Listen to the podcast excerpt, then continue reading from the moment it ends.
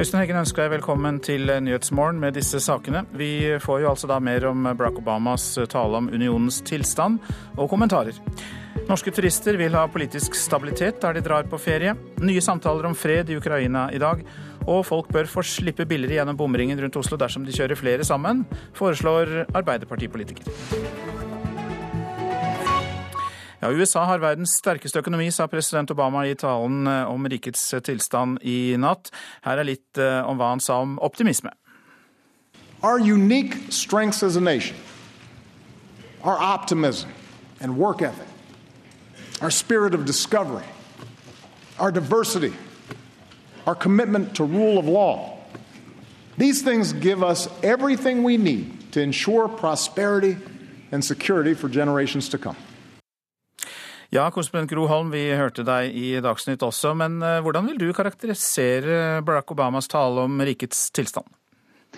Det var en eh, veldig sterk tale. Det var en optimistisk tale. Det var en tale om framtiden som han hadde lovet at den skulle være.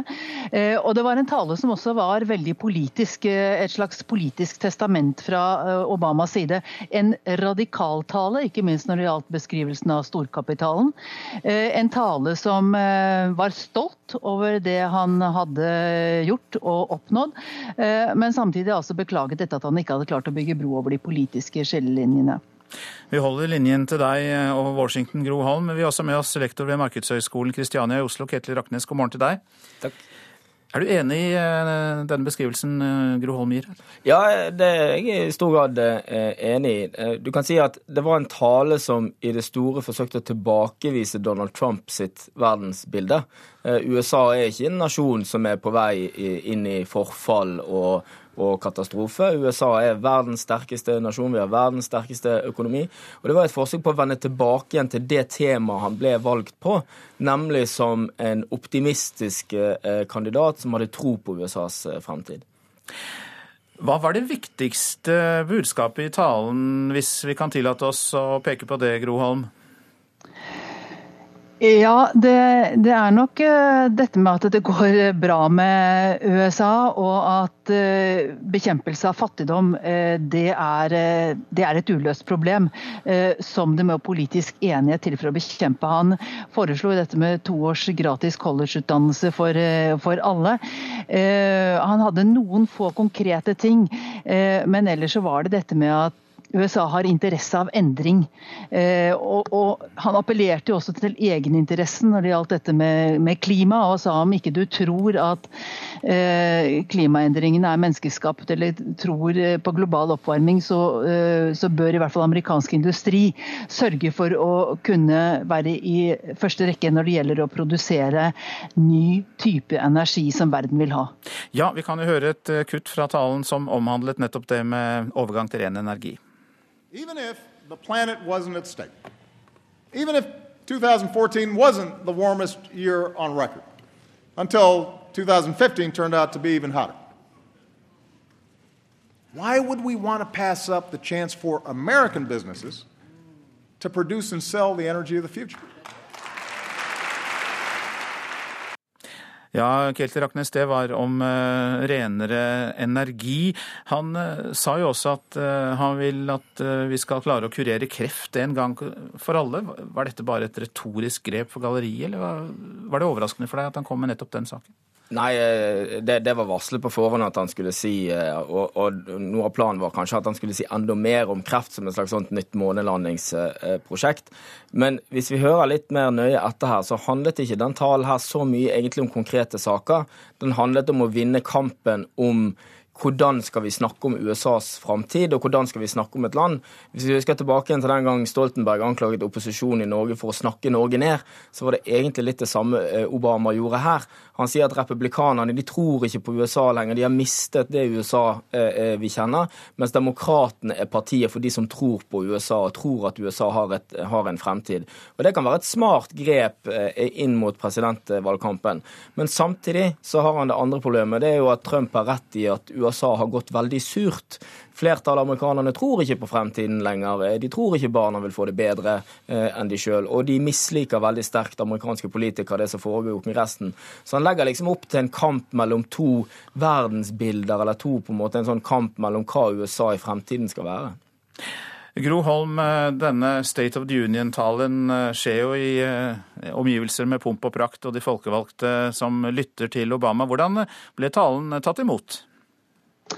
Ja, det, jo, det, var jo slik som det har vært i, eh, i mange år nå, at eh, demokratene reiste seg og klappet for veldig mye av det Obama sa, mens republikanerne stort sett ble sittende og klappet ikke. Eh, et av unntakene var eh, når det gjaldt dette forslaget om storsatsing for å løse kreftgåten. Da reiste alle seg, og også når han, eh, når han æret eh, USAs veteraner. Det er også en sak som samler alle. Mange takk skal dere ha, korrespondent i Washington Gro Holm og lektor ved Markedshøgskolen Kristiania i eh, Oslo og USA-kjenner Ketil Raknes. Mange nordmenn legger vekt på politisk stabilitet når de planlegger ferien. Det viser en undersøkelse som er gjort for arbeidsgiverorganisasjonen Virke. Turoperatørene merker også at salget synker betraktelig til steder som nylig er blitt offer for terror. I Virkes undersøkelse sier 64% at politisk stabilitet i landet er avgjørende for om de legger ferieturen dit.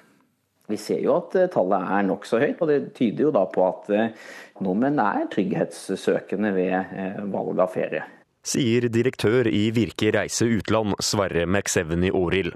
De har spurt nordmenn om hva som er avgjørende for dem når de skal velge reisemål. Politisk stabilitet er det flest huker av på som svært viktig personlig økonomi eh, f.eks. og kjøpstrygghet, det at man kjøper en seriøs eh, aktør, det er nok samlet sett forhold som man eh, legger større vekt på. Men i kategorien av hva man i svært stor grad legger vekt på, så er det politisk stabilitet på destinasjonen. Istanbul for knappe 24 timer siden. Ti personer ble drept i et selvmordsangrep i den tyrkiske hovedstaden. Slike angrep har landet opplevd flere ganger det siste året, og det går selvsagt ikke upåaktet hen hos turistene. Reiseoperatøren Ving sier 50 000 færre nordmenn dro til Tyrkia i 2015 enn året før. Beatrice Rivera i Apollo bekrefter at landet velges vekk. Jeg vet ikke om det er sånn hos alle, men i Apollo så er det, så er det, det den sommerdestinasjonen som sliter mest. Ja. Vi ser at de som pleide å reise til Tyrkia før, nå i større grad f.eks. reiser til Bulgaria eller Hellas. Også Paris har slitt med å tiltrekke seg nordmenn etter de to angrepene i 2015. Men Rivera sier kundene som valgte å avlyse Paris-turen, ikke nødvendigvis fryktet et nytt terrorangrep. De ga uttrykk for at det handlet mer om at man har en veldig fantasi over hvordan ferien i Paris skal være, og de var redde for at i og med at dette hadde skjedd, at, at den ikke skulle innfri. Da. At det skulle være en annerledes stemning, og at det ikke skulle være like hyggelig som de kanskje hadde forventet. At det ikke ville være deres Paris? Ja, nemlig. Sommeren 2015 vil av mange huskes som den store flyktningsommeren. Asylstrømmen til Europa var overveldende. Blant landene som tok imot flest, var Hellas. Uten at det la en demper på reiselysten til nordmenn. Alle forventet jo at, at fjor sommer skulle bli veldig dårlig, men det gjorde det ikke. Eh, snarere tvert om. Vi hadde jo samtlige gjester som valgte å reise til Hellas og heller ombooke reisen sin fordi de ønsket å hjelpe. Så der handlet det jo rett og slett om en forkjærlighet for denne destinasjonen som, som de ønsket å bidra med, istedenfor å, å svikte det. Reporter her, Vegard Valestrand. Så til eh, avisenes forsider. En baby på Haukelands kvinneklinikk, kvinneklinikk er avbildet i Bergens Tidende. Gutten er født rusavhengig og må suge morfin fra en sprøyte for å klare seg den første tida. Vi vet altfor lite om hva som skjer med disse barna senere, sier barnelege Halvard Reigstad.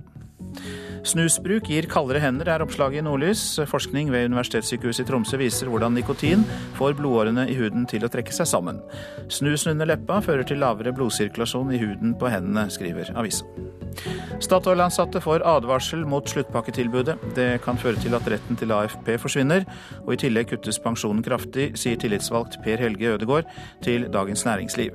Statoils mål, mål er å få 1500 færre ansatte i løpet av 2016 angriper turister for første gang, skriver Aftenposten om terroren i Tyrkia. Tidligere har terroren rammet ulike opposisjonsgrupper, men angrep på turister er en ny utvikling i Tyrkia, sier forsker til avisa. Rekordmange kristne er på flukt, skriver avisa Dagen. Av 1,8 millioner kristne som bodde i Syria, kan så mange som halvparten ha flyktet, viser tall fra den tverrkirkelige organisasjonen Åpne dører. Rapporten om forfulgte kristne omtales også i Vårt Land, som skriver at det er i Afrika flest kristne blir drept for sin tro. Økningen i trosrelaterte drap økte med nesten 40% fra 2013 til i fjor. En ny jernbanelinje over Ullandhaug i Stavanger og videre For, via Forus til Sandnes kan bli den mest lønnsomme i landet, viser en konsulentrapport fra Ekon gjengitt i Stavanger Aftenblad. Et nytt sykehusområde er et av flere argumenter for et nytt dobbeltspor som vil bidra til et effektivt kollektivsystem, sier Ekon-direktør Frian Årsnes. Det er kamp om ny leder for Høyesterett, får vi vite i Klassekampen. Avtroppende justitiarius Tore Skei legger vekt på dommererfaring når hans etterfølger skal velges. Det utelukker i så fall regjeringsadvokatens favoritt, Hans Petter Graver, som er dekan ved Det juridiske fakultet i Oslo, ifølge avisa. Og vi tar med at Dagbladet gir oss råd i kampen om jobbene, mens VG gir oss råd i kampen mot kulda, som er i anmarsj. De har hentet tips fra polfarer Børge Ausland.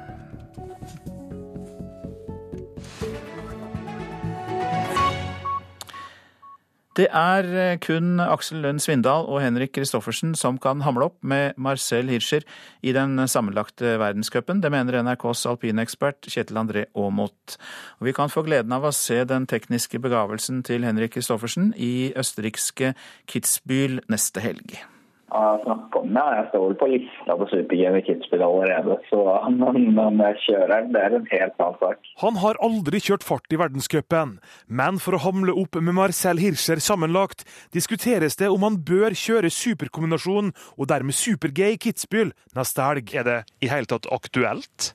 Altså Neste år der, så er det vel Østerrikeren leder sammenlagtcupen 165 poeng foran Lund Svindal og 230 poeng foran Kristoffersen. Det, det eneste som kan slå Hirscher, er Aksel Lund Svindal og Henrik Kristoffersen. Mener NRK-ekspert Kjetil André Aamodt. Eh, de skal kjøre veldig godt, de norske gutta, om de skal ha mulighet til å ta den. Men uh, de er i hvert fall uh, der oppe og vinner masse skirenn, og det er kanskje det aller viktigste. Og selv om Kristoffersen kun er 21 år, mener den tidligere alpinlegenden at den nye er gammel nok til å vinne sammenlagt økt allerede i år. Jeg syns det. Nå kommer jo en haug med slalåmrenn i januar. Siden han fortsetter eh, der han har eh, startet sesongen i den grenen, så kan han stå veldig høyt på totallista i utgangen i januar. At det er umulig, det er ikke, men eh, jeg ville ikke satt meg sjøl som kandidat. Det vil jeg ikke. Reporter her, det var Tommy Barstein. Du lytter til Nyhetsmorgen. Klokka den nærmer seg 6.46, og dette er hovedsaker. President Barack Obama understreket at USA har verdens sterkeste økonomi i sin eh, siste State of the Union-tale i natt. Han tok til orde for å samarbeide med politiske motstandere for å bekjempe fattigdom i USA. Kommunenes kortsiktige gjeld har økt dramatisk. Det er en tikkende bombe, sier finansprofessor. Mer om det etter klokka sju. Og Sør-Afrika kaller hjem diplomaten som er mistenkt for å ha kjørt på en kvinne i beruset tilstand i Oslo. Det skriver VG. Det kan bli reist disiplinærsak mot eh, diplomaten. I dag skal eh, trepartsgruppen for Ukraina igjen møtes i den hviterussiske hovedstaden Minsk. Tidligere avtaler for å stabilisere Donbas-området øst i landet skal følges opp. Tidligere denne uka kom den russiske spesialutsendingen Boris Grislyov på et overraskende besøk til Ukraina. Korrespondent Martin Jentoft, du er med oss fra byen Maripol i Donetsk fylke i Ukraina, og har besøket skapt et nytt håp om fred? Ja, særlig dette eh, at eh, en ledende russisk politiker på denne måten kommer til Ukraina. Det har jo omtrent ikke skjedd på lang tid, i alle fall ikke såpass åpenlyst som det skjedde denne uken. her. Det har skapt i alle fall en viss håp om at uh, Russland nå går inn i denne fredsprosessen på alvor.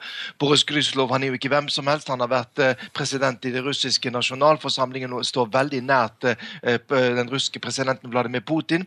Så i alle fall her i Ukraina er det mange som er veldig, hvert fall, veldig interessert i å se hva russerne mener med dette. her. Vil de nå gå tungt inn? Vil de nå virkelig legge prestisje, vilje, for å få gjennomført disse avtalene som tidligere er inngått, som jo på sikt skal gi Ukraina igjen kontroll da over Donbas-området her øst i Ukraina?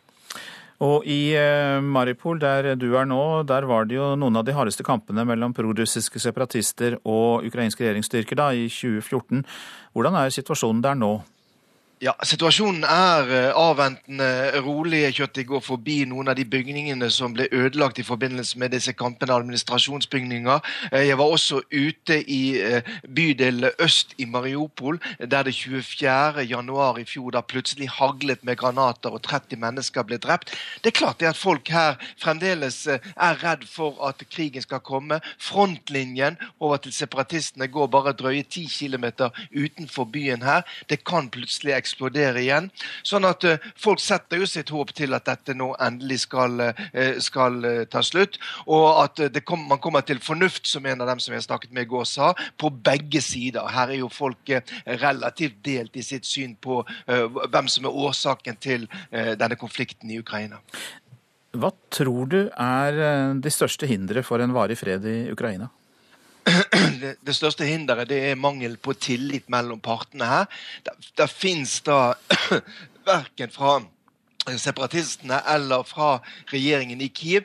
Eh, personer som er villige til å på en måte fire på sine synspunkter for å komme i en dialog. Man står steinhardt på sine eh, meninger. Og det er nok det som gjør at man ikke kommer videre i denne fredsprosessen. Og det fins da heller ingen eh, krefter utenfra da, som i hvert fall så langt da har klart å presse dem så, såpass hardt at de setter seg ned for å finne konkrete løsninger som kan få slutt på denne konflikten. Mange takk, korrespondent Morten Jentoft, som eh, altså var med oss fra byen Maripol i Donetsk fylke i eh, Ukraina. Bloggere som unnlater å merke betalte innlegg slik loven krever, de må bøtelegges. Det mener Hans Petter Nygaard Hansen, som sitter i juryen for Vixen Blog Awards. Han er overrasket over eh, hvor mange av bloggerne som bryter loven. Nå syns jeg tiden for eh, å ha på seg silkehansker er forbi. Og de som eventuelt da blir avkledd i 2016, de har i hvert fall om ikke annet gjort seg fortjent til det.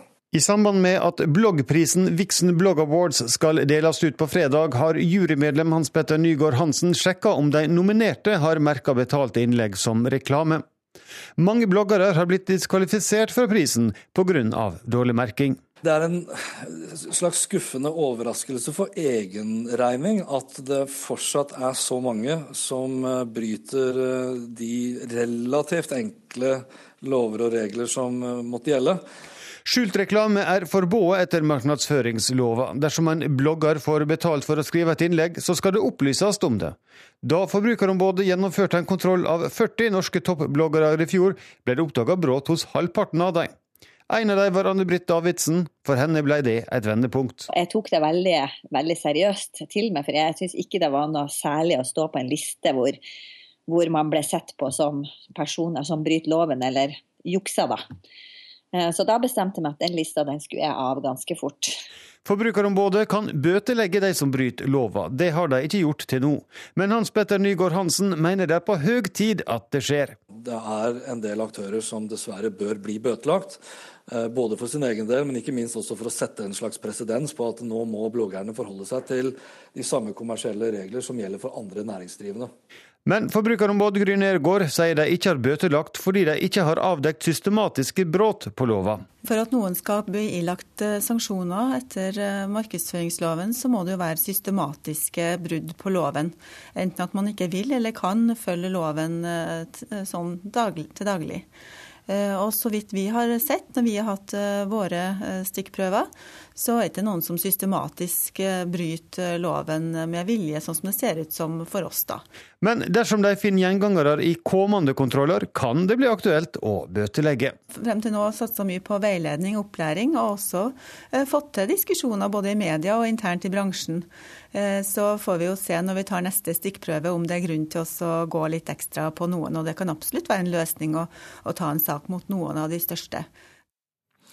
Reporter var Espen Alnes. Folk eh, bør få slippe billigere gjennom bomringen rundt Oslo dersom de kjører flere sammen. Det foreslår Andreas Halse, som er samferdselspolitisk talsmann for Arbeiderpartiet i Oslo. Og en slik rabatt kan ordnes med en mobilapplikasjon. Lang, lang rekke Omtrent 90 000 biler passerer forbi her på E18 mellom Oslo og Bærum hver dag. Sånn som det er nå, så er det så vidt over én person i hver bil som kjører forbi her. Det gjelder 85% av bilene. Sjåføren kjører alene. Men flere kan lokkes inn i hver bil, mener Andreas Halse. Han er samferdselspolitisk talsmann for Arbeiderpartiet i Oslo. Vi må ta i bruk den nye teknologien og satse på delingsøkonomien. Nå har vi mange gode apper som gjør at folk lett kan samarbeide. Og så burde vi få en løsning som gjør at de får rabatt i bomringen når de kjører sammen. Det må være såpass at det monner. Og så håper jeg at de kanskje får både en hyggeligere tur og sparer noen penger. For hvis samkjøringen gir 10-15% færre biler på veien, vil køen bortimot forsvinne, mener trafikkforskere. Dette er praktisk for mange, det er en side av saken, men jeg tror det viktigste er at vi lager noen økonomiske insentiver som gjør at det lønner seg for folk. Jo, den Appen den skaffer kontakt mellom eh, to personer som skal samme vei samtidig. Løsningen finnes. I Bergen og Trondheim har folk brukt appen Hent meg i et par år. Det forklarer prosjektleder Arild Eggen i Vegdirektoratet i Bergen. Så har jeg samkjørt med en uh, annen person fra Nesttun terminal og ned hit til eh, NRK på, på Minde. Du har jo samme appen. Du har samme appen. Appen hos sjåfør og passasjer kan også kobles opp mot bomringen eller andre systemer. F.eks. redusert eh, bompenger, også gjerne en redusert pris på offentlig parkering. Da skal det lite til før trafikken minker, sier Eggen. Hei der. Hei. Du skal til Nesttun? Ja, jeg har tenkt det. Men her forbi bomringen i Bergen samkjører bare 200-300 app-brukere hver uke. Altfor lite til å få systemet til å fungere skikkelig. Men bergenserne har ikke fått rabatt i bomringen ennå. Hvordan kan du være så sikker på at noen få kroner spart skal få dette her til å ta av? Jeg er sikker på at det er verdt å prøve. Eh, det er det aller viktigste. Og så så vi jo for elbilene at det som var nøkkelen for å få elbilene til å bli en suksess i Norge, det var at vi ga dem økonomiske insentiver. Bilistene vi traff på en bensinstasjon langs E18 i Oslo, gir håp. Det låter veldig, veldig bra. Ja, absolutt. Ja, hvis man skal samme veien uansett, så kunne det vært artig å prøve hvordan det fungerer. da. Kanskje. Kanskje det tar litt lang tid. Fordi at Min kjøring eh, i Oslo dreier seg om å liksom eh, presse inn ting i tidsklemma. Og få barn på trening og liksom komme seg kjapt på trening sjøl. Ja. Å bygge opp systemet vil ta et års tid. Men Rabatter betyr tapte inntekter, som også Halse sier de må ha for å finansiere bl.a. et bedre kollektivtilbud. Det kan bli dyrt for en del av oss. Når noen får rabatter, så må andre betale mer. Og Det er helt naturlig at de som velger de mest miljøvennlige løsningene, også får de beste rabattene. Reporter langs E18 var Kjetil Grude Flekkøy. Vi skal til Brasil og karneval, for nå er forberedelsene i full gang. Men mange brasilianere blir i år snytt for den store festen. For den økonomiske krisa i landet har flere steder ført til at karnevalet er avlyst.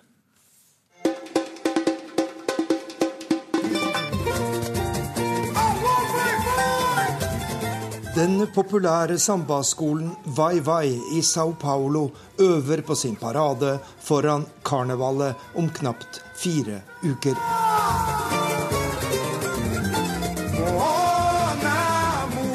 Og i Brasils største by går karnevalet etter planen, med paraden på Samba-stadion som det store høydepunktet. Men også i Sao Paulo merker arrangørene at det er økonomisk krise i Brasil. Folk elsker samba, men de vil ikke lenger kjøpe stadig dyrere billetter for å oppleve sambaparaden, sier president Paulo Sergio Ferreira i Sambaskolenes forening. E Vi har gjort en undersøkelse blant sambaskolene, som nå sliter hardt for å lage en god parade. Mye av utstyret og materialet må kjøpes fra utlandet, og det er blitt mye dyrere fordi den brasilianske valutaen er svekket. Vi burde derfor ha økt billettprisene til paraden, men det kan vi ikke, for det kunne ført til tomme tribuner, sier Samba-presidenten. Brasiliansk økonomi har et fryktelig år bak seg, med en nedgang i bruttonasjonalproduktet på nærmere 4% Økonomien i mange kommuner er nå så dårlig at årets karneval rett og slett er avlyst en rekke steder i Brasil, blant dem i fem byer i Campinas-området i delstaten Sao Paulo. Arnt Stefansen rapporterte fra Rio de Janeiro. Så var det værvarsler fram til eh, midnatt. Fjell i Sør-Norge først. Litt snø i Langfjellet, ellers skyet og delvis skyet oppholdsvær. Østlandet og Telemark får for det meste skyet vær. Litt snø i vestlige områder, men ellers opphold. Utpå dagen litt sol i østlige områder. Agder på kysten østlig liten kuling vest for Lindesnes. Skyet vær, litt snø av og til, mest av det i vestlige områder av Agder. Rogaland stiv eh, sørøst eh, kuling på kysten, perioder med snøbyger, kan hende som sludd på kysten. Hordaland får fra i formiddag økende til liten eller stiv sørøst kuling på kysten. Det blir perioder med snøbyger, kan hende som sludd på kysten. Sogn og Fjordane perioder med snøbyger, også der som sludd på kysten. I kveld liten sørøst kuling på kysten sør i fylket. Møre og Romsdal kan hende snøbyger på Sunnmøre, men ellers opphold og til dels pent vær. Trøndelag øst og sørøst stiv kuling utsatte steder, og på kysten lettskyet oppholdsvær. Nordland får østlig liten kuling utsatte steder, i ettermiddag minkende vind, og for det meste pent vær. Troms pent vær kort og godt. Finnmark enkelte snøbyger på kysten, ellers mye pent vær også i Finnmark. Nordensjøland på Spitsbergen enkelte snøbyger på kysten i vest, ellers delvis skyet oppholdsvær. Så tar vi temperaturer målt klokka fire, og det er mye minus. Svalbard lufthavn minus 10, Kirkenes 26, Vardø 3, Alta 22, Tromsø 8, Bodø 6, Brønnøysund 5, Trondheim 6, Molde 4. Alt dette minusgrader, og så kommer det noen plussgrader. Bergen, Flesland og Stavanger har pluss én. Kristiansand-Kjevik minus to, Gardermoen minus sju, Lillehammer minus åtte. Røros minus 16 og Oslo-Blindern minus seks.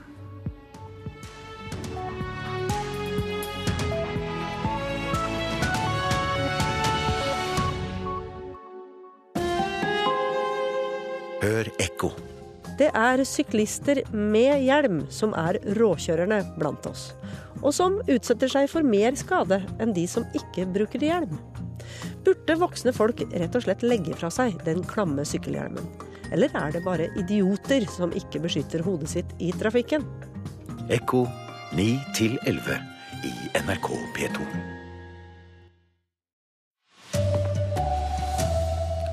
Politisk stabilitet veier tungt når nordmenn planlegger ferien. Og folk bør få slippe billigere gjennom bomringen dersom det er flere i bilen, mener Arbeiderpartiet i Oslo. Her er NRK Dagsnytt klokka sju ved Tone Nordahl. Først, minst 15 mennesker er drept og flere såret i en eksplosjon rettet mot politiet ved et vaksinasjonssenter i den pakistanske byen Quetta. Blant de døde er tolv politifolk, en soldat og to sivile, opplyser politiet til nyhetsbyrået AFP. Og i Afghanistan er minst to mennesker drept i et selvmordsangrep mot Pakistans konsulat i byen Jalalabad.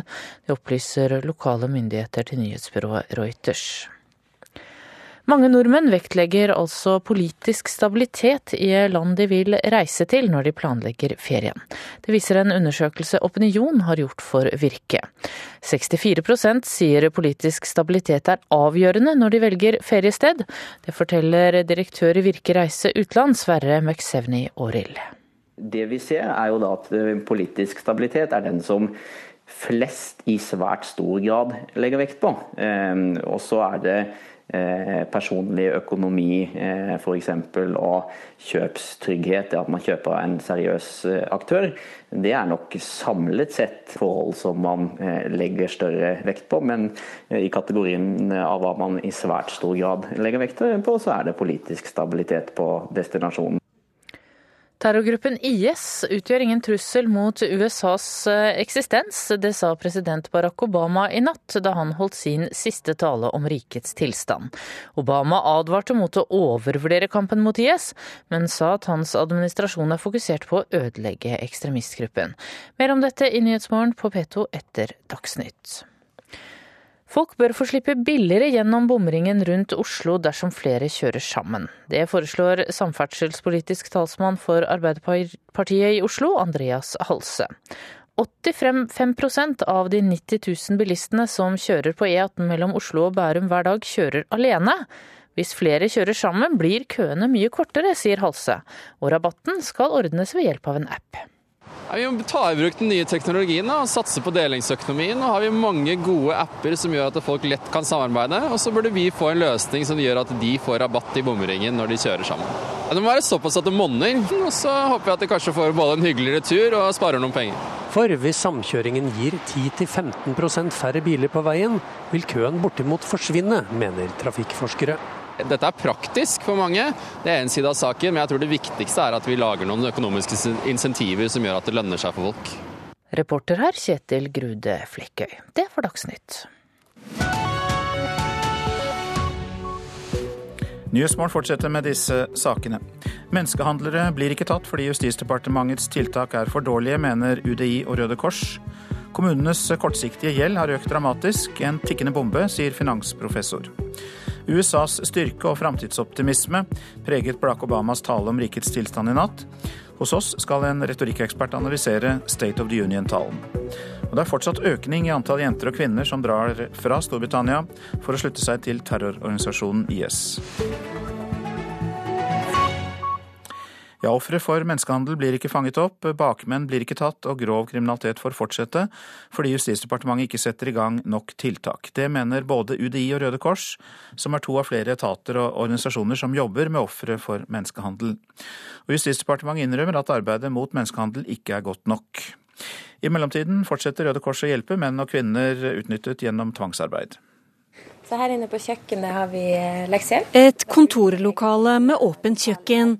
Et langbord med plass til mange. Det må det være, for det kan komme opptil 20 mennesker når Røde Kors sitt hjelpetiltak for ofre for menneskehandel har leksehjelp her. 86 personer som var utsatt for tvangsarbeid eller tvunget inn i prostitusjon, fikk hjelp her i fjor, sier Lotte Lindbjør, prosjektleder i Røde Kors Oslo. De som vi har hatt hos oss, har vært eh, utsatt for eh, grov tvang.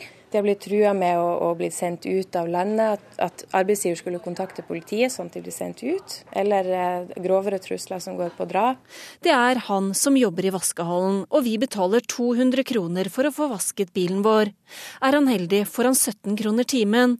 Eller hun som vasker huset vårt. Eller polakken som jobber på en anleggsplass. Lønna er lav, og de kommer seg ikke ut av det. For eksempel så gjorde bakmannen et grep at han sendte brev til søstera hans i hjemlandet, bare for å vise at jeg vet hvor hun bor. Og når du har sånne trusler på ditt eget og familiens liv, så gjør det noe med deg. Da går du ikke lett ut av et arbeidsforhold. Det er en risiko både for at vi ikke i tilstrekkelig grad fanger opp potensielle ofre for menneskehandel. Det er en risiko for at vi ikke får fulgt disse opp tilstrekkelig. Sier assisterende direktør i UDI Birgitte Lange. De har flere ganger meldt fra til Justisdepartementet om at det er behov for en sentral enhet som har ansvaret for å samle arbeidet mellom alle etater og organisasjoner. Uten dette er konsekvensen at bakmenn ikke straffeforfølges og grov kriminalitet får fortsette, sier Lange. Vi har for mange miljøer som hver for seg jobber på dette feltet, og det kan være vanskelig å få til kommunikasjonen og samarbeidet i tilstrekkelig grad. Statssekretær i Justisdepartementet Vidar Brein-Karlsen sier det kommer en ny handlingsplan i år, og innrømmer at man ikke klarer å ta bakmenn. Nei, det, det, skjer ikke alltid. Vi har veldig mange gode eksempler fra Bergen først og fremst. Noen fra Oslo og noen fra Trondheim. Men vi ser at eh, noen ganger så kommer man for sent i gang. Det er et problem. Men vi ser også at det er fryktelig vanskelig etterforskning som skal til her. Ja, har dere ikke klart dette arbeidet godt nok? Det er fortsatt utfordringer på dette feltet. Det er det ingen tvil om. Det gjør jo at en, en svært alvorlig kriminalitet får fortsette her i Norge, og får bare enda større grobunn. Reportasjen var laget av Ellen Omland. Tor Martin Elton, velkommen til oss. Takk for det. Du er politi førstebetjent og gruppeleder for menneskehandelgruppa i Oslo-politiet. og Hvilken type saker eh, ser du mest av gjennom eh, arbeidet ditt? Oslo politidistrikt mottar årlig ca. 30 anmeldelser på menneskehandel. 75-80 eh, av disse her de eh, har ofre fra afrikanske land, og mesteparten fra Nigeria. De resterende sakene de er eh, stort sett fra Øst-Europa. Og de aller fleste av totalen her sånn, de stammer da fra prostitusjon. Hvilke utfordringer står dere overfor, for ikke å si frustrasjoner, når dere skal etterforske dette? Det er mange utfordringer knytta til menneskehandelssaker. Eh, de, eh, alle sakene har jo internasjonalt eh, snitt. Alle sakene er også av en type karakter hvor man ikke får støtta seg på kriminaltekniske bevis. Det er også sånne sakene at det gjerne blir anmeldt en god stund i etterkant etter at forholdet er blitt begått. Så politiet starter da i motbakke hvor tida jobber imot oss. Vitner eh, har ofte reist fra landet. Disse skal finnes igjen. Eh, samarbeid med bl.a. nigerianske myndigheter det er ikke tilstedeværende. Eh, og så har vi enkelte sydeuropeiske land som også har et byråkrati som gjør at svarene som vi får på våre rettsanmodninger, de kommer veldig langt Det tar veldig lang tid. Er dere også i utlandet for å hente opplysninger, hvor vrient er eventuelt det? Vi, I stort sett alle sakene våre så er vi i utlandet og innhenter opplysninger. Eh, og det er jo eh, ofte da i form av eh, avhør. Og det blir jo da å spore opp vitner som kanskje har reist fra Norge, eller som kan si noe om offeret og bakmenn, skråstrek kvinners situasjon i hjemlandet, eller der hvor de har vært da på veien til Norge. Hva kan man gjøre dersom bakmenn faktisk, som vi hørte i reportasjen, sender brev til familiemedlemmer og forteller ja, vi vet hvor dere bor. Hva kan man gjøre? Innenfor Europa så eh, har vi stort sett eh, godt samarbeid hvor vi klarer å håndtere sånne typer situasjoner. Hvor vi da har en dialog med, med det nasjonale politiet, og som da retter eh, de tiltakene som de syns er nødvendige for å, å, å, å Eh, jobbe med de truslene her sånn. Eh, Oppimot Afrika og Nigeria så er samarbeidet det er eh, ikke tilstedeværende. Fra nigerianske myndigheter får vi stort sett aldri svar når vi sender anmodninger. Jeg hadde en kollega som var i hovedstaden i Nigeria for et par år tilbake. Og da sto Interpol-PC-en eh, den sto uten nettverkstilknytning, og det sier jo sitt om eh, det samarbeidet som de har utover landegrensene sine. Tilbake til eh, overskriften vi startet med her. Er det vanlig at bakmenn slipper unna? I de tilfellene hvor identiteten til bakmennene er kjent, og det befinner seg innenfor Europas grenser, så er det gode muligheter til å få, få tak i bakmennene. I de eh, tilfellene hvor eh, identiteten ikke er kjent, så er dette her eh, mer utfordrende. Mange takk skal du ha, Tor Martin Elton, som altså er politiførstebetjent, gruppeleder for menneskehandelgruppa i Oslo-politiet. Det har vært en kraftig økning i kortsiktige lån i norske kommuner. Fra 2008 har slike lån økt fra 3,5 milliarder til over 52 milliarder kroner. Professor ved Norges handelshøyskole Tore Johnsen sier kommunenes kortsiktige lån er en tikkende gjeldsbombe. Det er jo utrolig eh, at eh, denne situasjonen har oppstått uten at det har skapt mer eh, oppmerksomhet i presse og i offentlig diskusjon. Norske kommuner har mer enn doblet den samlede gjelda siden finanskriseåret 2008, og det er særlig én type lån som har økt mer enn andre, og det er kortsiktige lån i finansmarkedene, også kjent som sertifikatgjeld. Dette er lån som typisk må tilbakebetales i løpet av tre, seks eller ni måneder. Kortsiktig gjeld skal flyes, og det forutsetter at eh, markedet er villig til å gi eh, ytterligere gjeld til kommunen. Eh, og dette kan man eh, ikke være sikker på eh, nå for tiden. Eh, bedriftene sliter med å fornye sin gjeld, og det kan også være situasjonen for enkelte kommuner. Siden 2008 har kommunenes bruk av lån med kort løpetid økt fra 3,5 milliarder til over 52 milliarder kroner. Finansprofessor Johnsen kaller det hele En tikkende gjeldsbombe. Bl.a. fordi kommunene risikerer brå rentehevinger og i verste fall problemer med å fornye lånene så har kommunene et problem. Også administrerende direktør i Kommunalbanken, Kristine Falkår, er kritisk til praksisen. Vi syns ikke det er særlig klokt at en skole som skal stå i 40 år, finansieres f.eks. med sertifikater, eh, hvor man må reforhandle lånet hver tredje måned. Det er store forskjeller kommunene imellom når det gjelder å ta opp kortsiktige lån. En av de mest ivrige, Sandnes kommune i Rogaland, har 3,4 milliarder kroner i sertifikatgjeld, der gjennomsnittlig nedbetalingstid er seks måneder. Økonomidirektør Torunn Skumlien Nilsen sier kommunen har budsjettert med at rentene kan stige, og mener det er liten sjanse for at lånene ikke vil kunne fornyes. Under finanskrisen så var det også sånn at Eh, selv da, eh, på de mest kritiske punktene, så fikk faktisk eh, vi lån i sertifikatmarkedet. Og kommuner er jo veldig solide. Så det skal ekstremt mye til for at ingen faktisk vil gi oss lån. Oslo kommune har på sin side bestemt seg for å ligge langt unna det kortsiktige lånemarkedet. Finanssjef Øystein Sagelvmo sier man aksepterer litt høyere rente for å få mer forutsigbarhet og mindre risiko. Det er en egenverdi å unngå situasjoner hvor tjenestetilbudet blir rammet som følge av fluktuasjoner i finansmarkedet.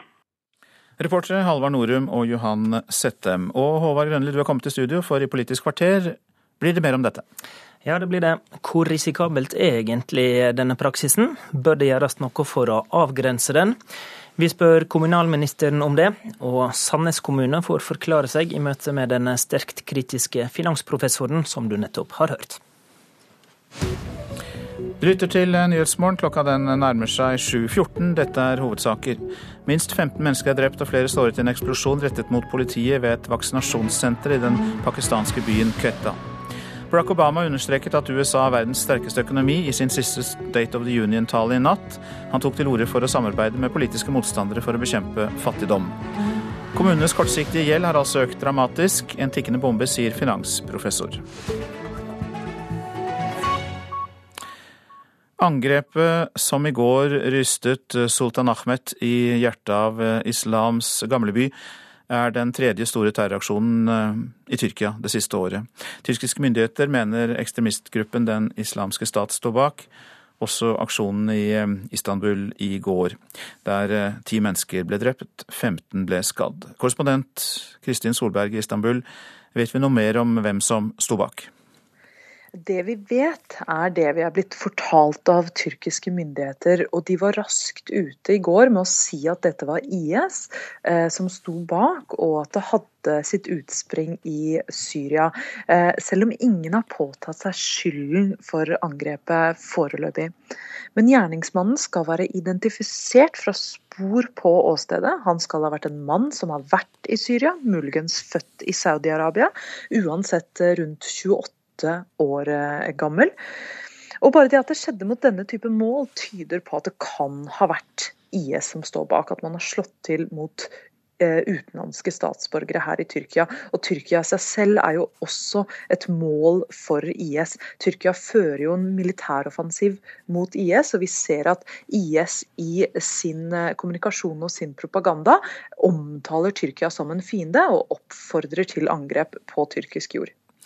Hvordan forsøker Tyrkia å forsikre turister om at eh, de som reiser dit skal eh, føle seg trygge? Turistnæringen er viktig for Tyrkia, så det vil være viktig for myndighetene å kommunisere utad at at Tyrkia er trygt. Ehm, vi ser jo hvordan turistnæringen har fått flere harde slag eh, i det siste. Eh, etter konflikten med Russland så har russiske turister eh, sluttet å komme hit. Det er den andre største gruppen. I går så var tyske turister ble hardt rammet. 8 åtte eh, ble drept. Og eh, Tyskland er da, altså Tyskere er den største gruppen av turister som kommer hit. Så det vi så i, i går, det var ekstra polititilstedeværelse i gatene. Um, men jeg snakket med uh, turoperatører og mennesker som jobber her i dette området, som er turisthjerte av Istanbul, og de sa at de fryktet at dette kom til å få store konsekvenser for turistnæringen, for deres egen inntekt. En mann sa at jeg tror dette får større konsekvenser enn vi klarer å forestille oss på dette tidspunktet. Til slutt, Kristin Solberg. Eh, russisk UD har jo sagt at etter dette angrepet er viktig å samarbeide om terrorisme. Nå har jo forholdet mellom Russland og Tyrkia vært iskaldt etter denne nedskytingen av det russiske flyet. Kan eh, dette endre seg? Ja, nå er nok Russland og Tyrkia på noe av den samme siden nettopp i å forsøke å, å kjempe militært mot eh, IS. Og eh, begge land har jo kommunisert at denne spliden ikke står i veien for det. Um, det som er med denne konflikten med Russland, er at vi har sett flere ganger at, at Tyrkia har forsøkt å strekke ut eh, en hånd, eller tyrkiske myndigheter har forsøkt å strekke ut en hånd, men at vi har sett eh, relativt, eh, en relativt steil holdning fra russisk side. Og den Veldig forbindelsen plutselig borte der, tro? Er nok på ingen måte begravet, selv om Tyrkia har gått gjennom noe sånt. Mange takk, Kristin Solberg. Vi fikk med den eh, siste kommentaren hennes til slutt der, på en linje som var litt ustabil her eh, på tampen. President eh, Barack Obama sier at USA skal løse kreftgåten. I talen om rikets tilstand var det et av de få konkrete forslagene han la fram. Ellers beklaget Obama at han ikke har klart å bygge bro over de partipolitiske motsetningene i landet. Han eh, appellerte til de folkevalgtes eh, kompromissvilje i en tale som tegnet et svært optimistisk bilde av USA.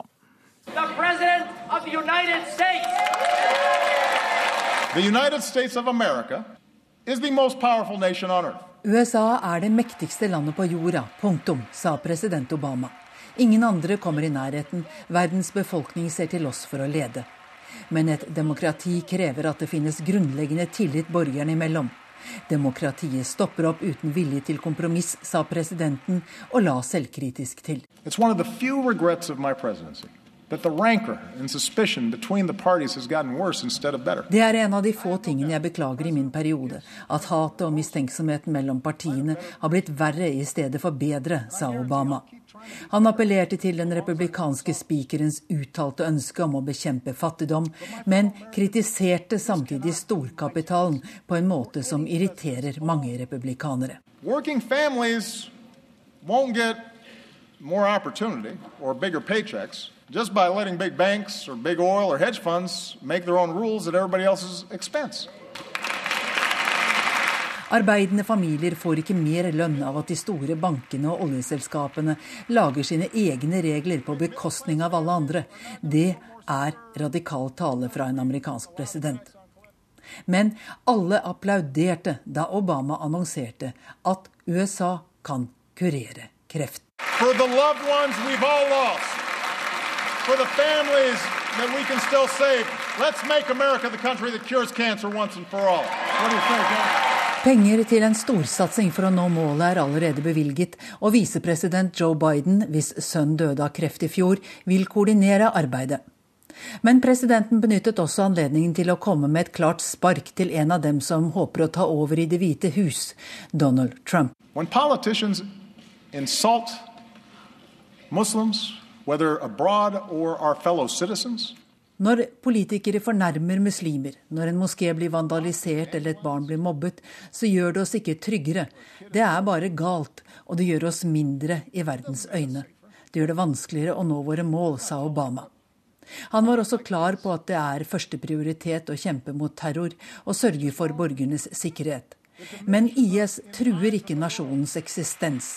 Og det er feil å beskrive trusselen fra IS som en tredje verdenskrig, sa presidenten i et spark til en annen republikansk presidentkandidat, Chris Christie. Mot slutten minnet Obama alle amerikanske borgere om at det er en plikt å bruke stemmeretten.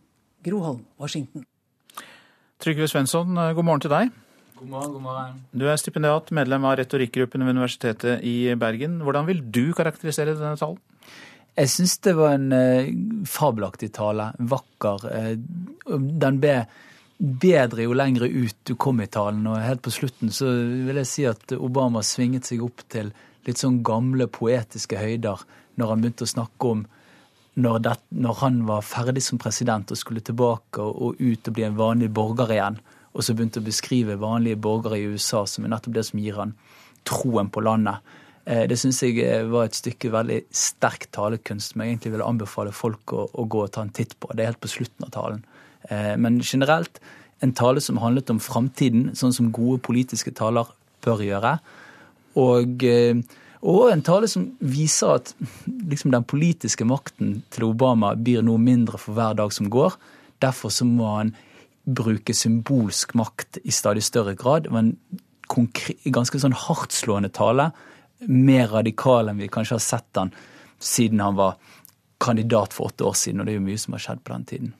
Du nevner at han eh, kanskje i sin retorikk er tilbake til den gangen for åtte år siden. Har det altså da vært et eh, fall i hans eh, retorikk, i hans evne til å mane frem støtte i årene imellom? Nei, du vet, Retorikk det er jo rett og slett studiet av hvordan folk handler med ord. Og ulike situasjoner krever ulike typer handlinger.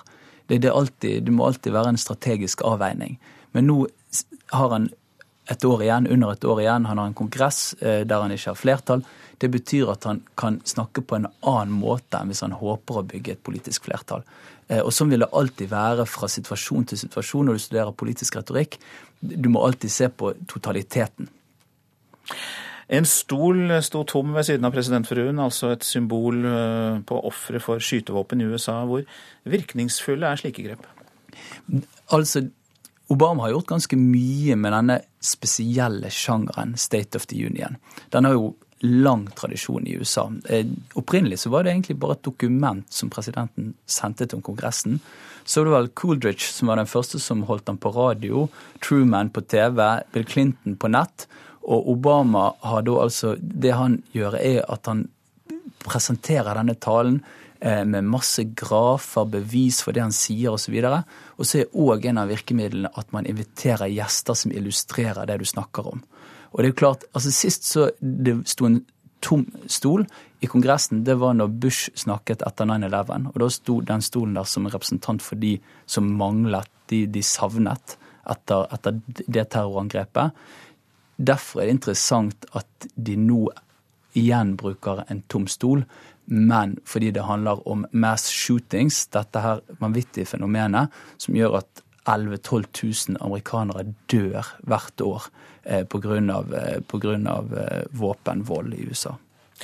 Til slutt, Trygve Svensson, eh, hvordan er amerikansk politisk retorikk, som vi jo har sett et eh, eksempel på her, kontra vår eller europeisk? altså, det, det, er jo sånn, det er jo et gammelt ordtak at alt er større i USA. Og det gjelder selvfølgelig også retorikken. Altså det er mer slagkraftig, eh, figurene er sterkere.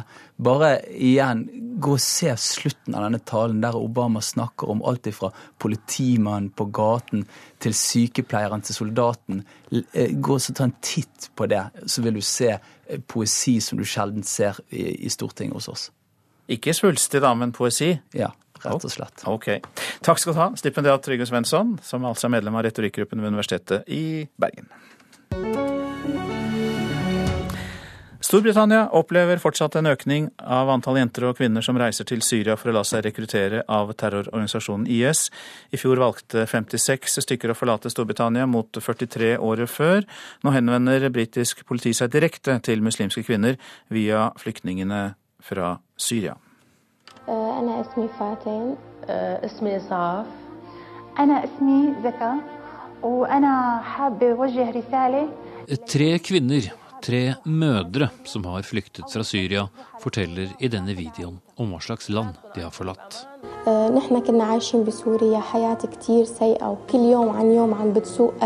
De forteller om et Syria som på ingen måte er noe sted å oppdra barn på, og de snakker direkte til unge kvinner som vurderer å reise til Syria. Ikke gjør det, er beskjeden. Vi har rømt fra hjemlandet vårt og det er ikke uten grunn.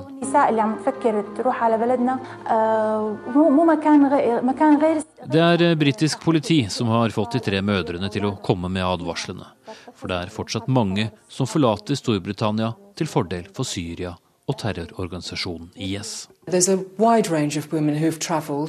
There's a wide range of women who've travelled 56 women and girls were reported missing in 2015. Det er Helen Ball som snakker her. Hun er viseassisterende politimester i Scotland Yard og jobber med antiterrorrekruttering.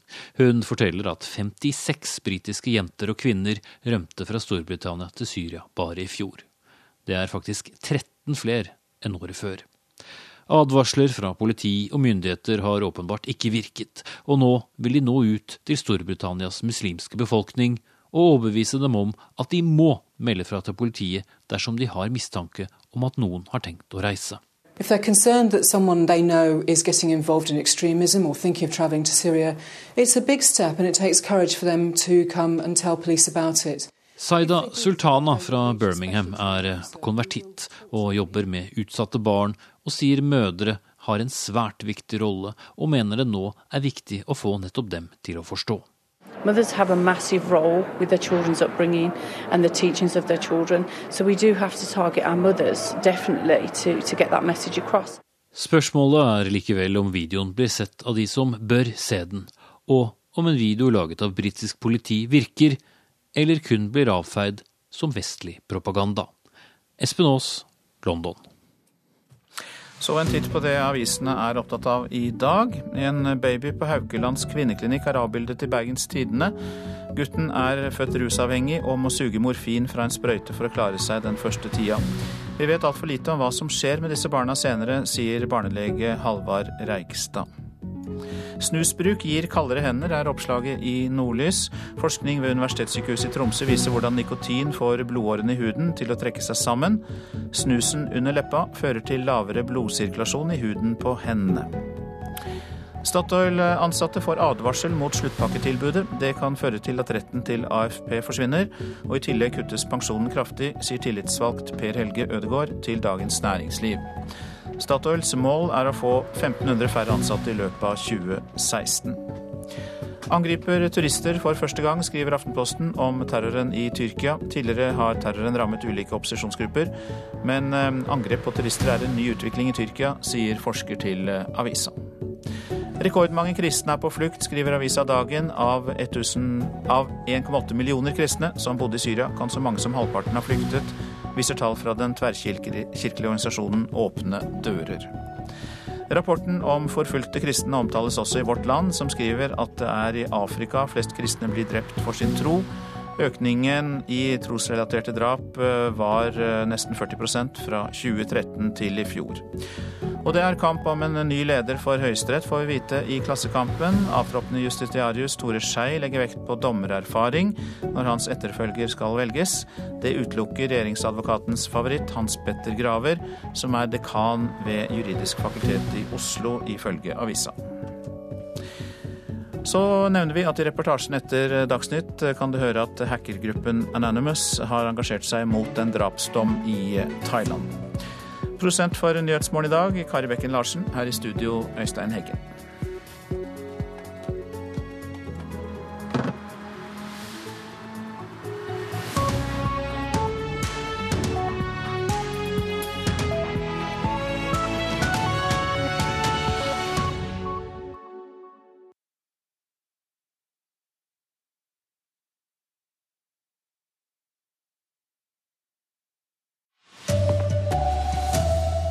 Barack Obama holdt sin siste tale om rikets tilstand i natt, lover storsatsing for å løse kreftgåten. Norske kommuner sitter på en tikkende gjeldsbombe, advarer professor. Og nordmenn velger bort land som er rammet av terror, når de skal reise på ferie. Her er NRK Dagsnytt klokka 7.30 ved Tone Nordahl. Ja, president Barack Obama sier altså at USA skal løse kreftgåten. I talen om rikets tilstand var det ett av få konkrete forslag han la frem. Ellers beklaget Obama at han ikke har greid å bygge bro over de partipolitiske motsetningene i USA. Han appellerte til de folkevalgtes, kompromissvilje i en tale som tegnet et svært optimistisk bilde av USA. The President of the United States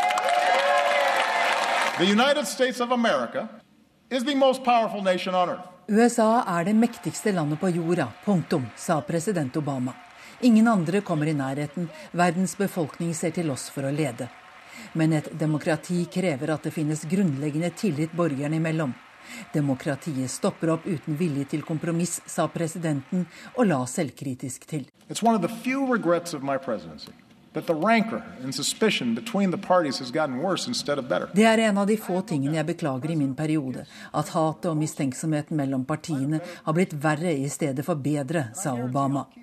Han appellerte til den republikanske spikerens uttalte ønske om å bekjempe fattigdom, men kritiserte samtidig storkapitalen på en måte som irriterer mange republikanere. Working families won't get more opportunity or bigger paychecks just by letting big banks or big oil or hedge funds make their own rules at everybody else's expense. Arbeidende familier får ikke mer lønn av at de store bankene og oljeselskapene lager sine egne regler på bekostning av alle andre. Det er radikal tale fra en amerikansk president. Men alle applauderte da Obama annonserte at USA kan kurere kreft. For the loved ones we've all lost, for the families that we can still save, let's make America the country that cures cancer once and for all. What do you think, John? Penger til en storsatsing for å nå målet er allerede bevilget, og visepresident Joe Biden, hvis sønnen døde av kreft i fjor, vil koordinere arbeidet. Groholm, Washington. Ja, stipendiat eh, Trygve Svensson, du er medlem av retorikkgruppen ved Universitetet i Bergen. Hvordan vil du karakterisere denne talen? Jo, det var en sterk, velskrevet, nærmest poetisk tale, vil jeg si. Et tegn på at eh, Obamas politiske makt nå er i ferd med å bli litt mindre, og at han derfor er villig til å bruke mer symbolsk makt, altså tale sterkere. Og så er det jo, var jo òg et et bevis på at selv om Obama alltid har vært elsket av verden, altså veldig godt likt internasjonalt, bedre likt enn i USA, så er jo kanskje disse åtte årene som president først og fremst altså det er først og fremst USA som ser ut som et bedre sted etter han tok over enn hva verden gjør. Dette var altså hans uh, siste State of the Union-tale. Hva tror du var viktig for ham å, å få frem? Det siste han snakket om, og som han sjøl sa var kanskje det viktigste, det var hvordan skal amerikanerne klare å forbedre en litt sånn um, syk politisk kultur som har utviklet seg der de siste årene. Altså hvordan skal folk som er uenige om politiske saker, allikevel føle en form for fellesskap. Og det var jo nettopp plattformen han ble valgt på. Det var sånn han ble en stor politiker i 2004 ved å holde denne berømte talen om at det finnes ikke røde stater og blå stater, men De forente stater. Og det gjentok han i natt. Takk skal du ha, Trygve Svensson. Ofre for menneskehandel blir ikke fanget opp, bakmenn blir ikke tatt, og grov kriminalitet får fortsette fordi Justisdepartementet ikke setter i gang nok tiltak. Det mener både UDI og Røde Kors, som jobber med ofre for menneskehandel. Så her inne på kjøkkenet har vi eh, leksehjelp. Et kontorlokale med åpent kjøkken. Hit kommer opptil 20 personer når Røde Kors sitt hjelpetiltak for ofre for menneskehandel har leksehjelp her. 86 personer som var utsatt for tvangsarbeid eller tvunget inn i prostitusjon, fikk hjelp her i fjor. Det sier Lotte Lindbjørg, prosjektleder i Røde Kors Oslo. De som vi har hatt hos oss, har vært eh, utsatt for eh, grov tvang. De har blitt trua med å, å, bli sendt ut av landet, eller eh, grovere trusler som går på drap. Det er han som jobber i vaskehallen, og vi betaler 200 kroner for å få vasket bilen vår. Lønna kan være 17 kroner timen, eller det er han på anleggsplassen. Lønna er lav, og de kommer seg ikke ut av det. For eksempel så gjorde bakmannen et grep at han sendte brev til søstera hans i hjemlandet bare for å vise at jeg vet hvor hun bor. Og når du har sånne trusler på ditt eget og familiens liv, da går du ikke lett ut av et arbeidsforhold. Det er en risiko at vi ikke i tilstrekkelig grad fanger opp potensielle ofre for menneskehandel. Sier assisterende direktør i UDI Birgitte Lange. De har flere ganger meldt fra til Justisdepartementet om at det er behov for en sentral enhet som har ansvaret for å samle arbeidet mellom alle etater og organisasjoner. Uten dette er konsekvensen at bakmenn ikke straffeforfølges og grov kriminalitet får fortsette, sier Lange. Vi har for mange miljøer som hver for seg jobber på dette feltet, og det kan være vanskelig å få til kommunikasjonen og samarbeidet i tilstrekkelig grad. Statssekretær i Justisdepartementet Vidar Brein Karlsen sier det kommer en ny handlingsplan i år, og innrømmer at man ikke klarer å ta bakmenn. Ser at eh, Noen ganger så kommer man for sent i gang. Det er et problem. Men vi ser også at det er fryktelig vanskelig etterforskning som skal til her. Reporter her var Ellen Omland. Norske kommuners bruk av kortsiktige lån har økt kraftig de siste årene. Dette er lån med løpetid på under ett år, som derfor stadig må fornyes. Administrerende direktør i Kommunalbanken, Kristine Falkår er kritisk til praksisen. Vi syns ikke det er særlig klokt at en skole som skal stå i 40 år, finansieres f.eks. med sertifikater eh, hvor man må reforhandle lånet hver tredje måned. Lave renter i finansmarkedene har fristet mange norske kommuner til å endre egen lånepraksis. I stedet for å låne penger for 5, 10 eller 15 år av gangen, velger de stadig oftere lån som må tilbakebetales i løpet av noen måneder, og så fornyes. I 2008 hadde kommunene 3,5 milliarder kroner i denne type lån. I dag er dette økt til over 52 milliarder kroner. En tikkende gjeldsbombe. Sier professor i finans ved Norges handelshøyskole, Tore Johnsen. Kortsiktig gjeld skal flyes, og det forutsetter at eh, markedet er villig til å gi eh, ytterligere gjeld til kommunen. Og dette kan man eh, ikke være sikker på nå for tiden. Bedriftene sliter med å fornye sin gjeld, og det kan også være situasjonen for enkelte kommuner. Ja, Det blir mer om denne saken i Politisk kvarter på P2 om noen få minutter. Reportere var Halvard Norum og Johan Sette. Minst 15 mennesker er drept og flere såret i en eksplosjon rettet mot eh, politiet utenfor et vaksinasjonssenter i den pakistanske byen Quetta. Og i Afghanistan er minst to mennesker drept i et selvmordsangrep mot eh, Pakistans konsulat i byen Jalalabad. Mange nordmenn vektlegger politisk stabilitet når de planlegger ferien. Det viser en undersøkelse som er gjort for Virke. Turoperatører merker også at salget synker betraktelig til steder som nylig har vært utsatt for eh, terrorangrep. Vi ser jo at eh, tallet er nokså høyt, og det tyder jo da på at eh, nordmenn er trygghetssøkende ved valg av ferie sier direktør i Virke reise utland, Sverre McSeveny Aarild. De har spurt nordmenn om hva som er avgjørende for dem når de skal velge reisemål. Politisk stabilitet er det flest huker av på som svært viktig.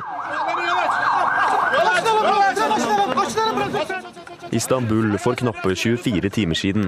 Ti personer ble drept i et selvmordsangrep i den tyrkiske hovedstaden. Slike angrep har landet opplevd flere ganger det siste året, og det går selvsagt ikke upåaktet hen hos turistene. Reiseoperatøren Ving sier 50 000 færre nordmenn dro til Tyrkia i 2015 enn året før. Beatrice Rivera i Apollo bekrefter at landet velges vekk. Jeg vet ikke om det er sånn hos alle, men i Apollo så er det, så er det, det den sommerdestinasjonen som sliter mest. Vi ser at de som pleide å reise til Tyrkia før, nå i større grad f.eks. reiser til Bulgaria eller Hellas. Også Paris har slitt med å tiltrekke seg nordmenn etter de to angrepene i 2015. Men Rivera sier kundene som valgte å avlyse Paris-turen, ikke nødvendigvis fryktet et nytt terrorangrep. De ga uttrykk for at det handlet mer om at man har en veldig fantasi over hvordan ferien i Paris skal være, og de var redde for at i og med at dette hadde skjedd, at, at den ikke skulle innfri. Da, at det skulle være en annerledes stemning, og at det ikke skulle være like hyggelig som de kanskje hadde forventet. Det sa Beatrice Rivera i reiseselskapet Apollo-reporter var Vegard Valestrand. Ansvarlig for NRK Dagsnytt, Bjørn Christian Jacobsen.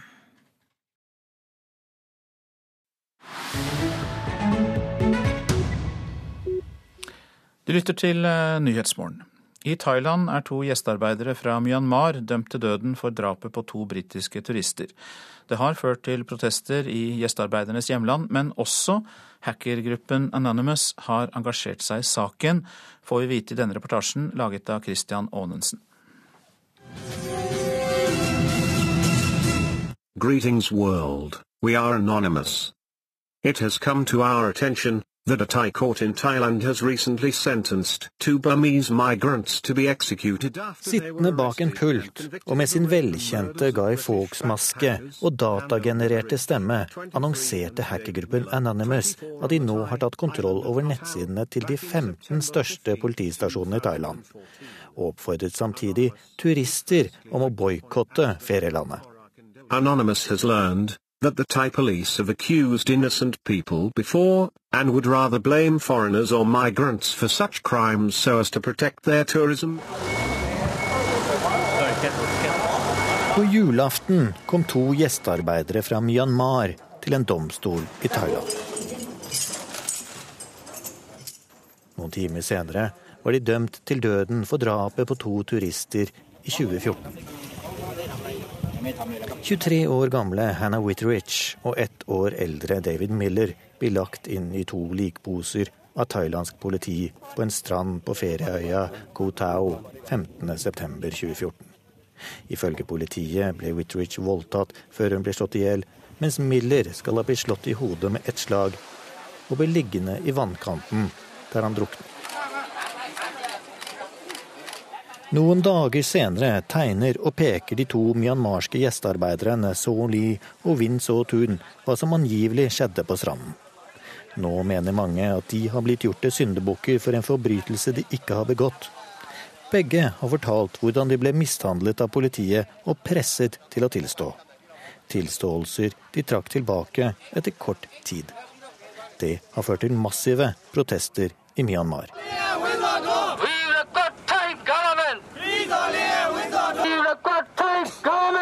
Flere hundre demonstranter krever rettferdighet for de to dødsdomte, og roper slagord mot myndighetene i nabolandet Thailand. Og dommen har også ført til en liten diplomatisk krise mellom de to landene.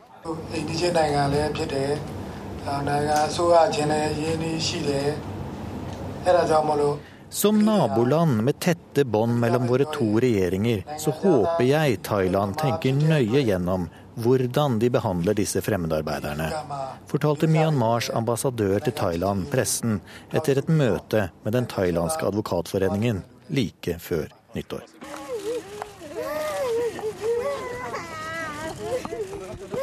Og med de gråtende familiene til de to dødsdømte annonserte advokaten at de vil anke saken til topps i det thailandske rettssystemet. And we're expecting to appeal the decision all the way up to the Supreme Court, which we will do. And we're confident as a defence team that, based on the rule of law and justice, this case has to be dismissed against the accused. Etter dommen på julaften tok familien til David Miller til orde for at de var fornøyd med dommen. We, we det fortalte broren Michael Miller pressen på trappen like etter at dommen var lest opp. Familien til Hannah Witteridge har ikke ønsket å kommentere dommen. Det gjør derimot den datagenererte stemmen til Anonymous. Den stoler ikke på politiet i Thailand, og mener morderne fortsatt er på frifot. We do not believe the Thai court has convicted the actual murderers of the crime. Dette er hovedsaker i Nyhetsmorgen. Barack Obama holdt sin siste tale om rikets tilstand i natt. Han lovet en storsatsing for å løse kreftgåten, og understreket at USA fortsatt har verdens sterkeste økonomi. Det har vært en kraftig økning i kortsiktige lån i norske kommuner. Professor ved Norges handelshøyskole, Tore Johnsen, sier slike lån er en tikkende gjeldsbombe. Minst 15 mennesker er drept og flere såret i en eksplosjon rettet mot politiet ved et vaksinasjonssenter i den pakistanske byen Quetta. Mange nordmenn legger vekt på politisk stabilitet når de planlegger ferien. Det viser en undersøkelse som er gjort for arbeidsgiverorganisasjonen Virke. Og så er det Politisk kvarter. Programleder der er Håvard Grønli.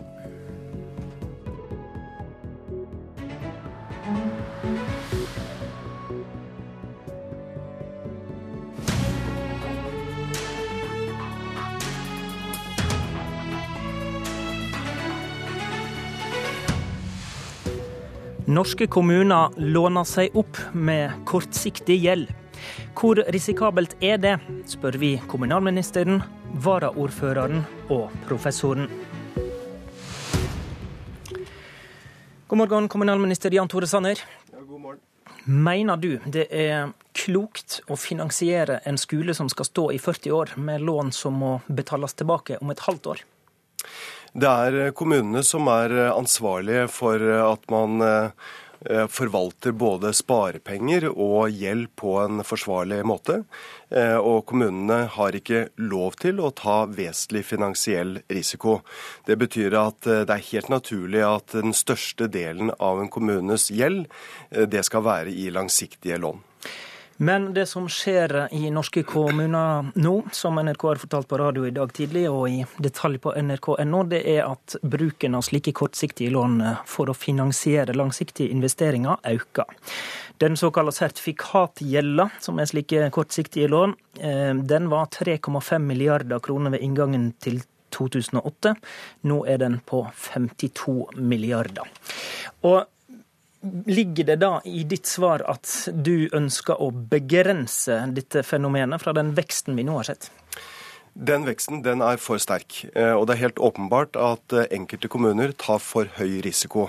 Når man går inn i sertifikatmarkedet, korte lån, så er det en vesentlig risiko for kommunene. Hvis vi får et tilbakeslag i norsk økonomi, hvis eh, kapitalmarkedene tørker ut, så betyr det at det kan være vanskelig for kommunene å få refinansiert sine lån. Det kan bety at renten går opp. Og går renten opp, så betyr det at velferdstilbudene i kommunene blir rammet. fordi at da må kommunene bruke mer penger på høyere renter og mindre penger på velferdstilbud. Så Derfor så har vi allerede eh, gitt klar beskjed om at man skal tydeliggjøre den kortsiktige gjelden. Kommunepolitikerne må være bevisst på hvor mye som er i kortsiktig gjeld. Eh, og vi har også sagt at vi nå vil gå gjennom eh, det som kalles for finansforskriften, som også setter noen rammer eh, for den risiko kommunene tar.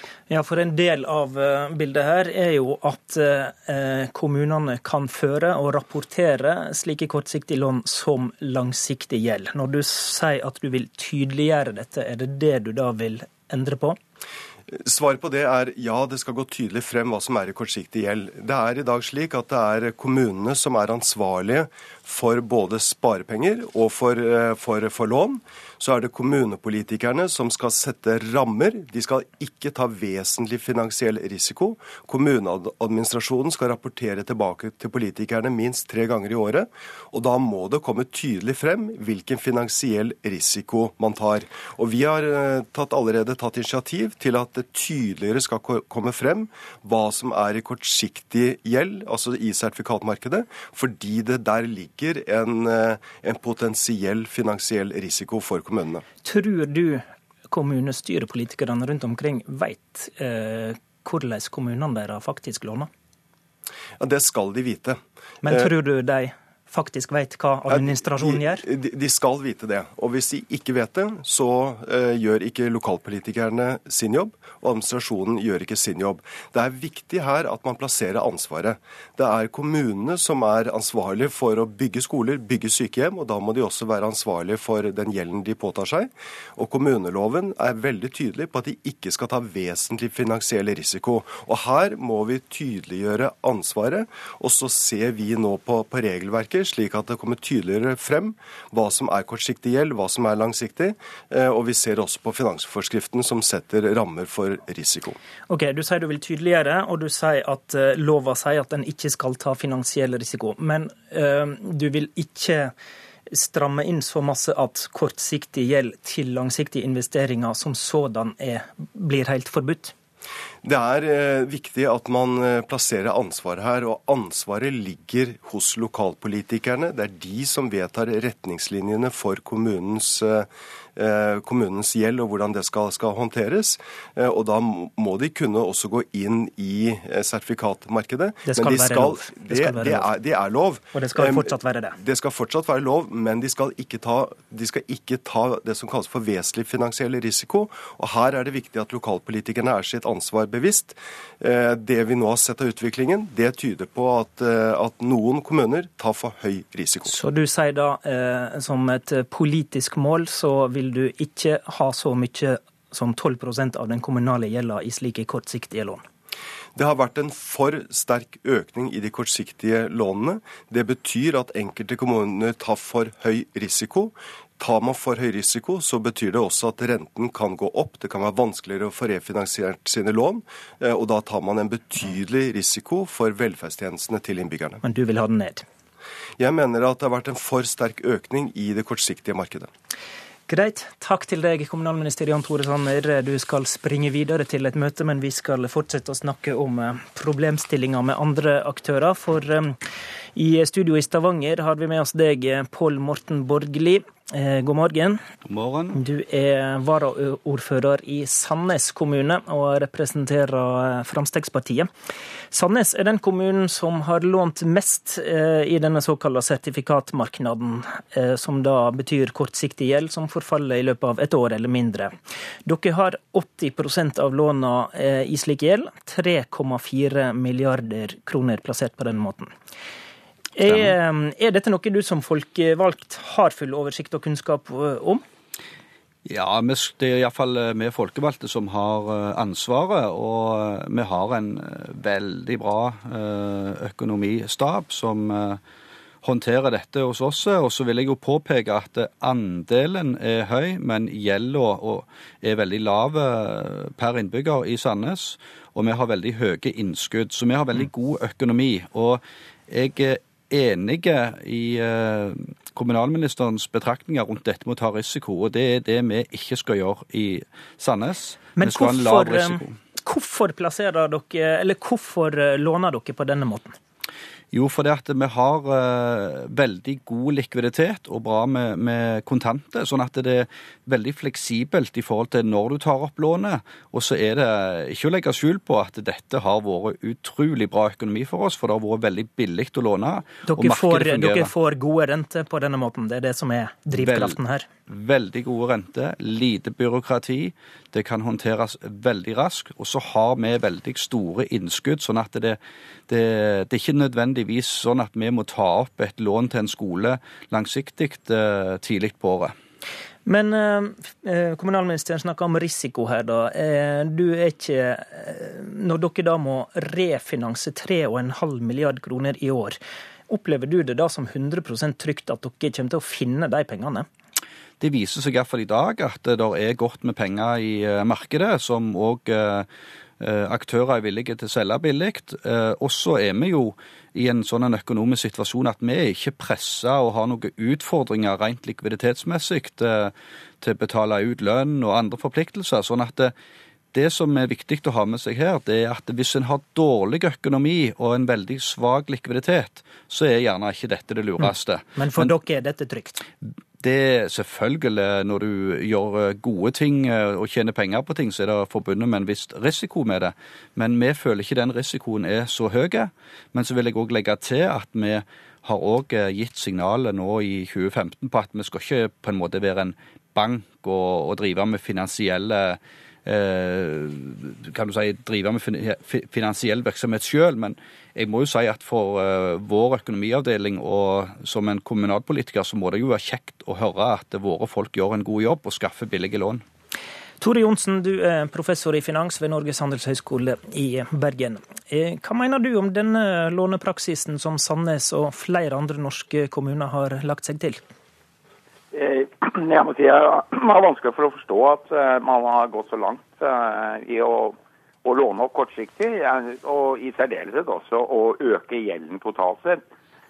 Men det som mm, har vært mitt problem størst, og som jeg føler er det største problemet for kommunene, det er at dette fremstilles som noe annet enn det det er. Det fremstilles som om det er langsiktig gjeld. Og det kan godt være at en det politikere forstår betydningen av kortsiktig gjeld, at den skal refinansieres, og da tar man en risiko. Men eh, jeg frykter at veldig mange politikere som har vært med på dette, ikke har forstått betydningen av kortsiktig gjeld. Ja, hva, hva, er, hva, er, risikoen, eh, hva er risikoen med det, da?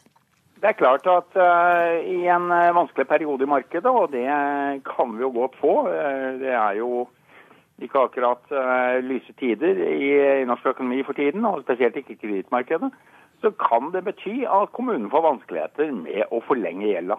At de rett og slett ikke klarer å finansiere sine langsiktige investeringer? Nettopp. Nettopp. Og hva skjer da? Ja, Da eh, settes det jo under administrasjon i verste fall eh, av staten. Og det vil putte restriksjoner på hva de kan bruke penger til. Og i siste hånd så går det utover innbyggerne. Dette er jo innbyggernes penger. Borgerlig, har dere, borgerlig, har dere tenkt gjennom at dette kan i verste fall gå utover tjenestetilbudet i kommunen hvis det går galt? Ja, altså enhver risiko og renteøkninger og sånn vil jo påvirke tjenestetilbudet. Men jeg regner med òg at uh, Johnsen her forstår at når du er en kommune uh, med innskudd i kontanter på opp mot to milliarder kroner, og den faktiske rentebærende gjelda vår er på 500 millioner, så er det jo klart at da er det ikke stor risiko med dette. Det som er, det er hvis du er hvis du har en kommune med veldig svak økonomi og en pressa lånesituasjon, så er det jo klart dette er jo uhåndterlig hvis ja, det skjer la oss, endringer. La oss ta det, Johnsen. Hvis Sandnes i utgangspunktet har sunn økonomistyring og et godt forhold mellom inntekt og utgifter, er ikke det da smart å utnytte situasjonen til å få lavest mulig rente i det korte lånemarkedet? Det kan være det, jeg, men jeg tør jo minne om at bedrifter som vel kanskje har de smarteste finansfolkene, eh, vanlige store norske bedrifter eh, i liten grad bruker det kortsiktige markedet eh, når de skal trekke opp gjeld som de skal ha lenge. Eh, de er veldig bevisste på eh, refinansieringsrisikoen. Det kommer en eh, regnværsdag, og da må man svi for hva man gjorde når sola skinte. Ja, da vil jeg bare, bare kort skyte inn også at eh, hvis en så i finanskrisen, så så, så en at eh, kommunene var veldig attraktive kunder. og Kredittinstitusjoner sto i kø for å låne til kommuner som vi opp, blir oppfattet som veldig trygge långivere og har solide verdier eh, både som sikkerhet. Og så er det sånn at eh, Kommunen låner jo billig òg på andre områder, sånn at eh, en kommune kan faktisk eh, ta opp lån tidlig i året veldig billig, og så kan en sette det inn i bank og få en betydelig innskuddsrente. For når renta går opp, så går òg innskuddsrenta opp. Så det er jo klart, hvis du har mer i innskudd i banken da, så er jo dette fornuftig. Eh, Jonsen, det høres ikke ut som eh, veldig eh, akseptabelt i henhold til finansforskriften at man låner penger for å plassere de. Det, det er isolert sett. Men jeg er ikke opptatt av hva Sandnes har gjort, eller hva kommuner som muligens har en veldig god økonomi har gjort. Det jeg har vært opptatt av, er at det man gjør, må man beskrive som det er, og ikke som noe annet. Dere mener jeg, og det kan en jo selvfølgelig gjerne poengtere på en annen måte. Vi får iallfall som folkevalgt veldig god informasjon om dette. Det står godt beskrevet i finansrapportene som vi får, så lokalpolitikerne skal være vel kjent med dette. Men eh, Borgli, dere har eh, opplevd at renta på disse lånene dere har økt i det siste. Hva er det som eh, har skjedd? Faktisk så har vi ikke opplevd det, men vi har sett at prisene i markedet kan se ut til å ha gått noe opp, og det har vi òg tatt høyde for i eh, budsjettet. Og, men fortsatt så er det jo sånn at dette er den klart billigste måten å gjøre det på. Og hadde vi gått inn f.eks. på langsiktige fastrentelån for noen år siden, ja, så hadde jo vi hatt et redusert tjenestetilbud i dag. Eh, for det hadde vært en betydelig eh, økt kostnad. Men vi følger det nøye. og jeg, jeg, er helt enig med kommunalministeren og Johnsen her. Kommunene skal ikke drive med for stor risiko. og Derfor har vi ikke plassert ting i aksjer og andre ting. Vi, vi håndterer det stort sett med, med, lån eh, og innskudd i bank. Johnsen, eh, er det sånn at rentene kan gå opp når flere kommuner begynner å opptre sånn nå? Ja, det er klart. Eh, det kan det gjøre. Men la meg bare si at Dette dreier seg ikke om renterisiko, om eh, forholdet mellom fastrente og flytende rente, fordi at man kan få eh, langsiktig lån med flytende rente. Det det dreier seg om, er refinansieringsrisikoen. Eller den finansielle risikoen som Sanne var inne på, og den, som beskrev, han beskrev veldig godt. Og den tenker du er helt reell? Unnskyld? Og den refinansieringsrisikoen er helt reell? Den er reell. Det kan det er, være at eh, pengene ikke fins? På Vestlandet og Sør-Vestlandet pga. Eh, problemer i, eh, i økonomien og inntektsgrunnlaget for kommunene. Takk til deg, professor Tore Johnsen, og takk til deg, Pål Morten Borgli, varaordfører i Sandnes. I studio i dag, Håvard Grønli.